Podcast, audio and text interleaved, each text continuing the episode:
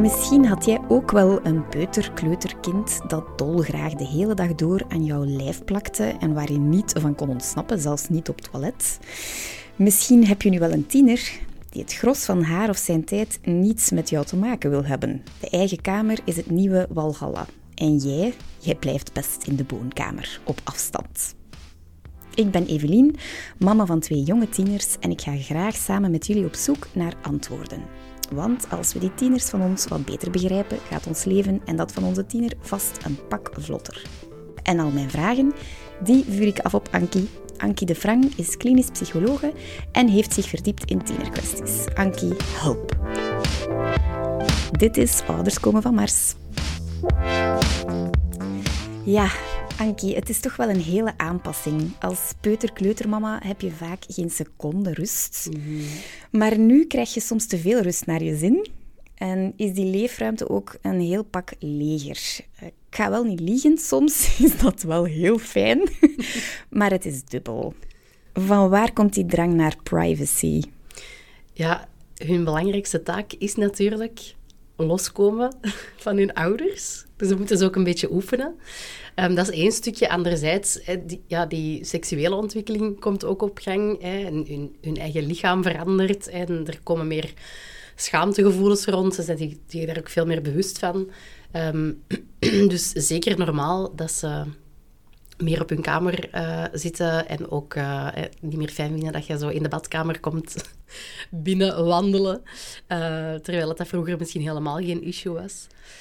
Um, nu, het is ook altijd wel goed om eens kritisch naar jezelf te kijken. Ook als ouder ben ik wel fijn gezelschap.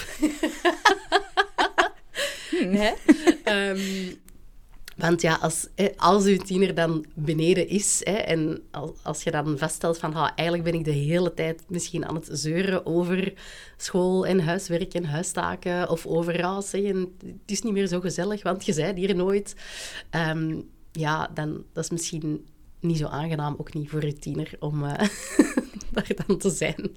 Dus oh, los van het feit dat het wel normaal is, zeker niet alle tieners trekken zich constant terug op hun kamer, uh, is het wel goed om eens te, kritisch naar jezelf te kijken en, en um, u af te vragen, is het ook gewoon nog wel leuk voor mijn tiener om bij ons te zijn?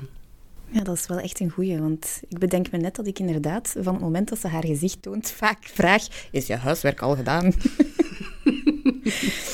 Puntje van aandacht. Misschien kunnen we beginnen met, oh, ik ben blij om je weer te zien. Welkom thuis. Leuk dat jij toch in de zetel komt zitten. Ja, voilà. En dus kijken wat dat, wat dat oplevert. Ja.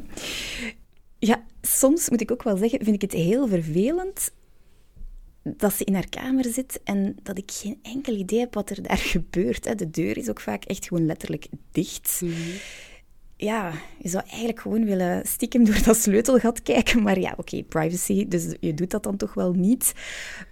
Ja, het is een stevig lesje in loslaten, hè, maar hoe ver kan je daarin gaan? Ja, heel veel heeft te maken met vertrouwen natuurlijk. Hè. En um, dat is altijd wel een moeilijk evenwicht voor ouders hè, om, om te vinden in in hoeverre kan ik mijn, mijn tiener vertrouwen? Zeker als er vertrouwensbreuken geweest zijn in het verleden natuurlijk. is dat wel iets wat, wat vaak heel moeilijk is. Maar dat is wel ook iets wat dat bespreekbaar uh, kan zijn. Nu, denk... Um, het is zeker niet de bedoeling dat je zo onaangekondigd die kamer binnenkomt waar je... Hey, wat zit die allemaal aan het doen? De, het, is ook, het is hun domein, het is hun kamer. Um, en het is ook wel belangrijk dat je dat respecteert. Hè. Ik denk dat daar goede afspraken rond gemaakt uh, moeten worden. Hetzelfde met de badkamer.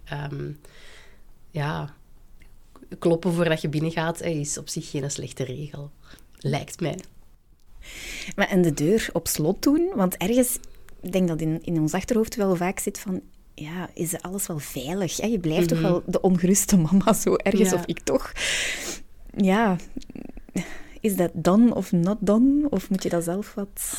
de vraag is natuurlijk wat maakt dat, dat je kind de behoefte voelt om die deur op slot te doen. Hè? Als, je, als er goede, duidelijke afspraken zijn rond elkaars privacy respecteren. Hè? Zoals, ik klop eerst aan en dan wacht ik totdat jij zegt dat ik mag binnenkomen en dat respecteer ik ook. Dan zal die behoefte om de deur op slot te doen er ook minder zijn. Um, ook niet alle huizen hebben deuren die op slot kunnen. Bij ons zou dat bijvoorbeeld al geen optie zijn. Ehm, maar ik denk dat het wel goed is om erbij stil te staan. Wat maakt... En, en dat misschien ook te bespreken met je kind. Hè, van, ha, ik merk dat je die deur heel graag op slot wil doen. Ik vind dat wel moeilijk omdat ik dan ongerust ben. Of, ja, ik, beeld me dan van alles in. Hè, en ik denk dan de ergste dingen eerst misschien soms. Ja. Dat moet je misschien niet per se zeggen, want dat, dat toont dan weinig vertrouwen in je tiener. Hè. Maar het is wel goed om aan te geven van... Ik merk dat jij daar behoefte aan hebt en ik merk dat ik behoefte heb aan... Ja, toch gewoon weten dat het, dat het veilig is en dat alles oké is. Hè. En ik vraag mij af, hè, wat maakt dat je die behoefte hebt om die deur op slot te doen? Um, en dan kan er misschien al wel wat komen. En misschien dat zegt, ja, dat is zo...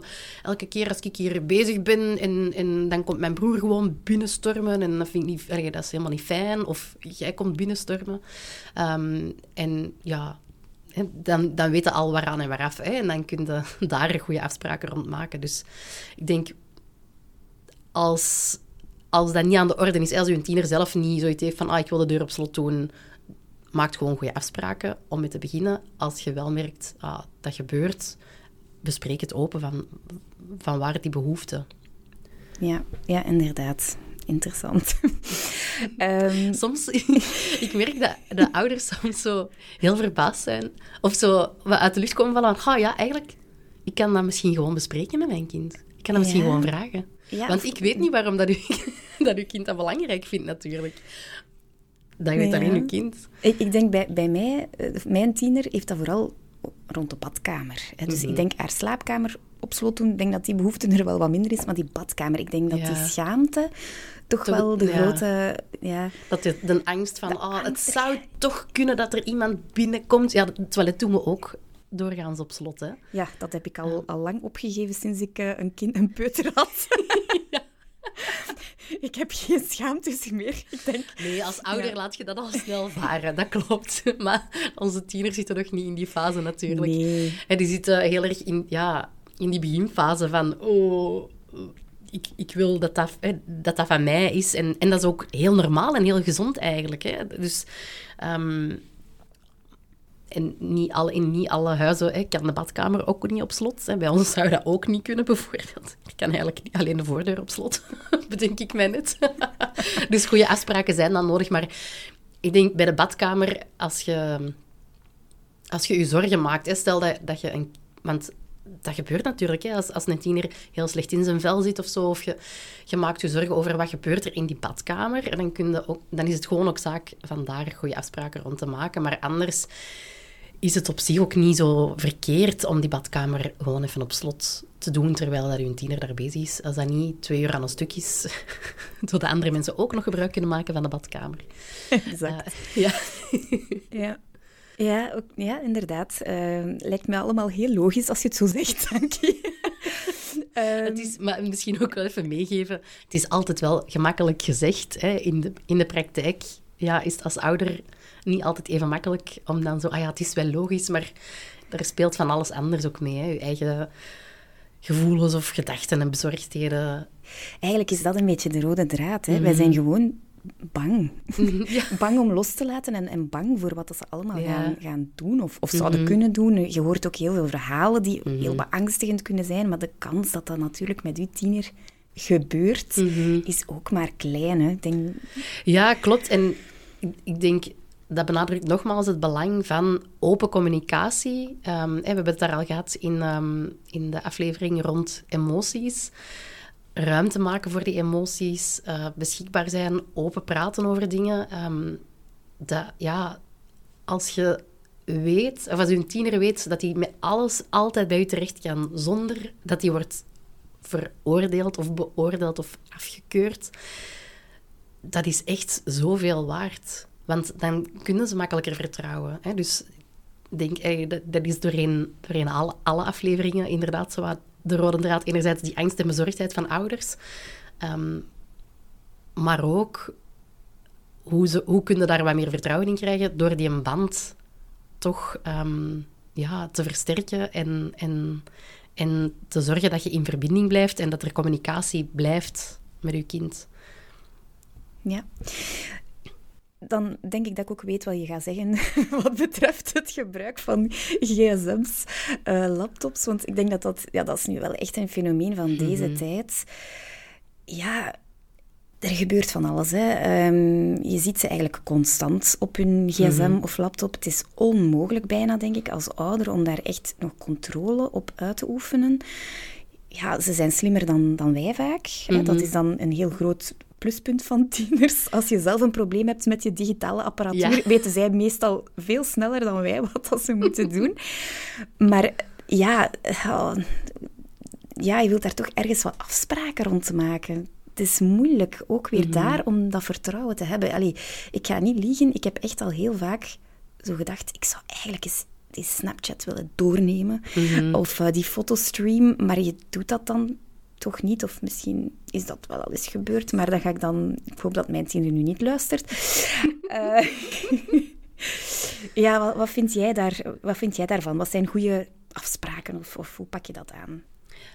Ja, het is belangrijk om goede afspraken te maken. Je mocht het zeker niet loslaten, want het, ja, het is een nieuw medium en er komen altijd ook nieuwe dingen die, die maken, allez, die voor verleidingen zorgen, um, die voor lastige situaties kunnen zorgen. Dus het is wel heel belangrijk om daar opnieuw open over te praten en ook uh, uw kinderen goed te informeren over de mogelijke gevaren en hoe werkt sociale media en hoe werken al die dingen, um, eh, Snapchat, hoe, hoe hoe zit dat in elkaar en wat zijn daar de risico's van? Wat zijn de gevaren ervan? Alles, bijna alles op sociale media is ook een stukje ingesteld op verslavend zijn en ervoor te zorgen dat kinderen daarmee bezig blijven. kinderen en volwassenen ook. Hè. Dat is allemaal ook dat beloningsgevoelige. Daar maken sociale media en, heel, en de meeste apps heel uh, gretig gebruik van natuurlijk. Om ervoor te zorgen dat zij zoveel mogelijk tijd op hun app spenderen. Um, dus het is wel heel goed om kinderen daarover in te lichten. Um, en zeker in het begin, als ze een telefoon krijgen, dan zijn ze doorgaans ook nog wel een beetje jonger. Dat is ook in elk gezin anders natuurlijk. Hè. Wanneer krijgen ze hun eerste smartphone? Dat moeten allemaal zelf bepalen. Maar in, als ze jonger, hoe jonger dat ze zijn, hoe meer ondersteuning dat ze daar wel in nodig hebben. En hoe meer dat dat ook gaat. Hè, want dan staan ze daar nog wel echt voor open. Um, en, dan, en dan kun je wat meer toezicht houden. Um, en er zijn heel wisselende meningen over, hè, is het als ouder oké okay om ja, hè, zo van die controle-apps en zo te installeren en je kinderen in de gaten te houden op sociale media, of niet. We zouden ook, hè, als ons kind een dagboek bijhoudt, we zouden dat ook graag willen lezen, maar dat doen we ook niet. Hè? Enfin, er zullen misschien wel ouders zijn die dat wel doen. maar als je zelf in, in, in de plaats van een kind staat, als jij een dagboek bijhoudt en iemand komt je kamer binnen en leest dat en je ontdekt dat, dat is een hele grote vertrouwensbreuk. En hetzelfde bij als je kind ontdekt van, ah, mijn, mijn ouder zit hier, mij hier heel de tijd in de gaten te houden. Is ook helemaal niet fijn om het gevoel te hebben dat je heel de tijd in de gaten wordt gehouden. Dat zouden wij ook helemaal niet fijn vinden. Vroeger was dat er ook allemaal niet. En dan gingen die wat meer op schok. Misschien alleen nu nog altijd, maar ja, je gaat ook niet mee met je kind hè, als die nee. weggaan. Dus het is een kwestie van vertrouwen en ook weer daar open communicatie en, en, um, en aangeven van als er iets is waar dat je over twijfelt, als je een berichtje krijgt of een foto of je krijgt iets doorgestuurd wat je een vervelend gevoel geeft of je twijfelt, je mocht dat altijd laten zien. Hè. Belangrijk is dan hè, dat, dat je reactie hè, daarin ook begripvol is natuurlijk. En vooral, amai, ik ben blij dat je mij dat laat zien. Dat is keigoed, hè, want ik, merk inderdaad, goh, dat is misschien wat twijfelachtig of dat is misschien niet helemaal oké. Dus dat is keigoed dat je dat laat zien. En zelfs als je kind dan zelf iets verstuurd heeft, hè, dat je dan, en dat je dan ontdekt van, oh, dat is eigenlijk ook niet oké. Ook daar, probeer daar... Um, eigenlijk moeten we ervan uitgaan dat kinderen fouten tussen aanhalingstekens gaan maken als het als het aankomt op gebruik van sociale media. Want ook wij zijn daar nog zoekenden in. Zij zijn daar heel erg zoekenden in. Er zijn heel veel verleidingen. Dus eigenlijk moeten we er een beetje van uitgaan dat ze wel eens een foutje zullen maken of iets gaan doen wat niet helemaal oké okay is. Of wat ze beter niet hadden gedaan. En dan moeten we vooral heel dankbaar proberen zijn dat ze dat wel met ons durven delen. Ja. Want als ze dat delen en je gaat heel afwijzend of afkeurend of bestraffend reageren, ja, dan gaan ze dat de volgende keer niet meer doen natuurlijk. Als ze dan twijfelen of ze hebben iets gedaan waarvan ze denken, oh damn, dan gaan ze dat niet durven komen zeggen. Want ja, dan zijn ze misschien weer een week hun gsm kwijt of zo, bij wijze van spreken. En ook als het, als het aankomt op um, hun, hun, profielen volgen. Sommige kinderen vinden het helemaal prima, de ouders... Uh, hun vrienden zijn op Facebook of Instagram of enzovoort. Um, anderen niet. Um, en ook daar, wij kunnen dat eigenlijk ook niet, niet controleren. Hè? Nee, je zou kunnen zeggen, ja, dat, is, dat is de regel om daarvan gebruik te mogen maken. En bij jonge kinderen kunnen dat wel kunnen dat zeker doen. Hè? Trouwens, heel jonge kinderen mogen eigenlijk geen profielen aanmaken, maar dat terzijde, dat, dat gebeurt toch. Um, maar, um, maar als ze ouder zijn en je verplicht dat, dan zullen ze dat misschien wel doen, maar dan, gaan, dan maken die gewoon een ander profiel aan waar dat je niks van af weet. Hè? Dus hoe meer dat je gaat proberen te controleren en, en, en daar grip op te krijgen en alles in de gaten te houden, hoe meer dat zij weggetjes gaan zoeken om dat te, te ontduiken en te ontvluchten. Dus het is een beetje de balans zoeken tussen dat vertrouwen geven, maar ook weer daar, dat kun je pas als, als er open communicatie is natuurlijk. Hè. Dus heel erg daarop inzetten um, en proberen erop te vertrouwen dat als je kind met iets zit, of twijfels heeft, of bezorgd is, of spijt heeft van iets wat hij gedaan heeft um, en daarmee in de, in de knoop zit, dat hij dat wel naar u zal komen. Ja. Ja, dat is, dat is een heel mooie afronding, denk ik, van dit verhaal. Um, ja, ik denk dat het dus zeer normaal is dat zij gewoon behoefte hebben aan privacy. Mm. Dat, is, dat is duidelijk. Uh, het zal meer zitten in effectief als ouder het loslaten en open communicatie, zoals je zegt. In de volgende aflevering gaan we er wel nog een beetje dieper op in. Um, ja, die tieners willen privacy, maar daardoor voel je je als ouder wel vaak zo'n beetje quantité négligeable. Dus uh, dat is voor de volgende keer. Yes. Wij deden het meteen goed. En daarom is er naast deze podcast ook meteen een boek, Ouders komen van Mars, het boek dat je moet lezen om je tiener te begrijpen. Beschikbaar vanaf eind april 2023 in zowat alle boekhandels online en offline. Een aanrader, al zeggen we het zelf.